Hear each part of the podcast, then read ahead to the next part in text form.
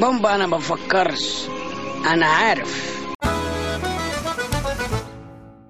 عاملين إيه؟ هكلمكم النهارده عن نوع من المنجدين هو المنجد المنتفخ.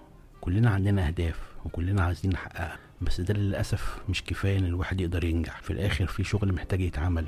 مجهود لازم يتبذل. وهنا بتحصل المشكلة. الناس دي بتتكلم كتير.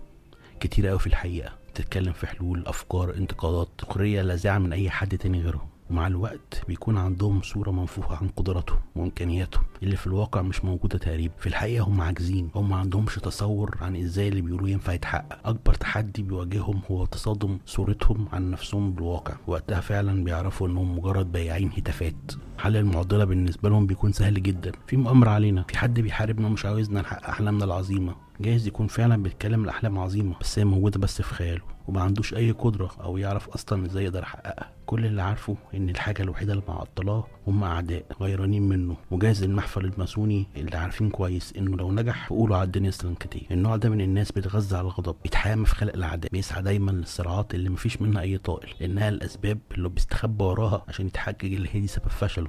مش حد تاني. لو الناس دي في حياتك فقدامك حلين عشان تقدر تتعامل معاهم. أول حل إنك أصلا ما تتعاملش. سيبهم يكملوا طريقهم اللي كله دوشة من شكوتهم اللي ما بتخلص. ولو ما ينفعش فببساطة ازنقه في الحيط. ناقشه في شكواه. بشكل كأنك عايز تفهم. اديله أسئلة استفسارية عن تفاصيل المؤامرة اللي بتتعمل عليه. خليه يكذب ويكذب ويكذب. وأنت مستمتع بعدم الراحة اللي بيحس بيها وبيغرق فيها مع كل سؤال بتسأله له. إيه إن كيه يعني ثانك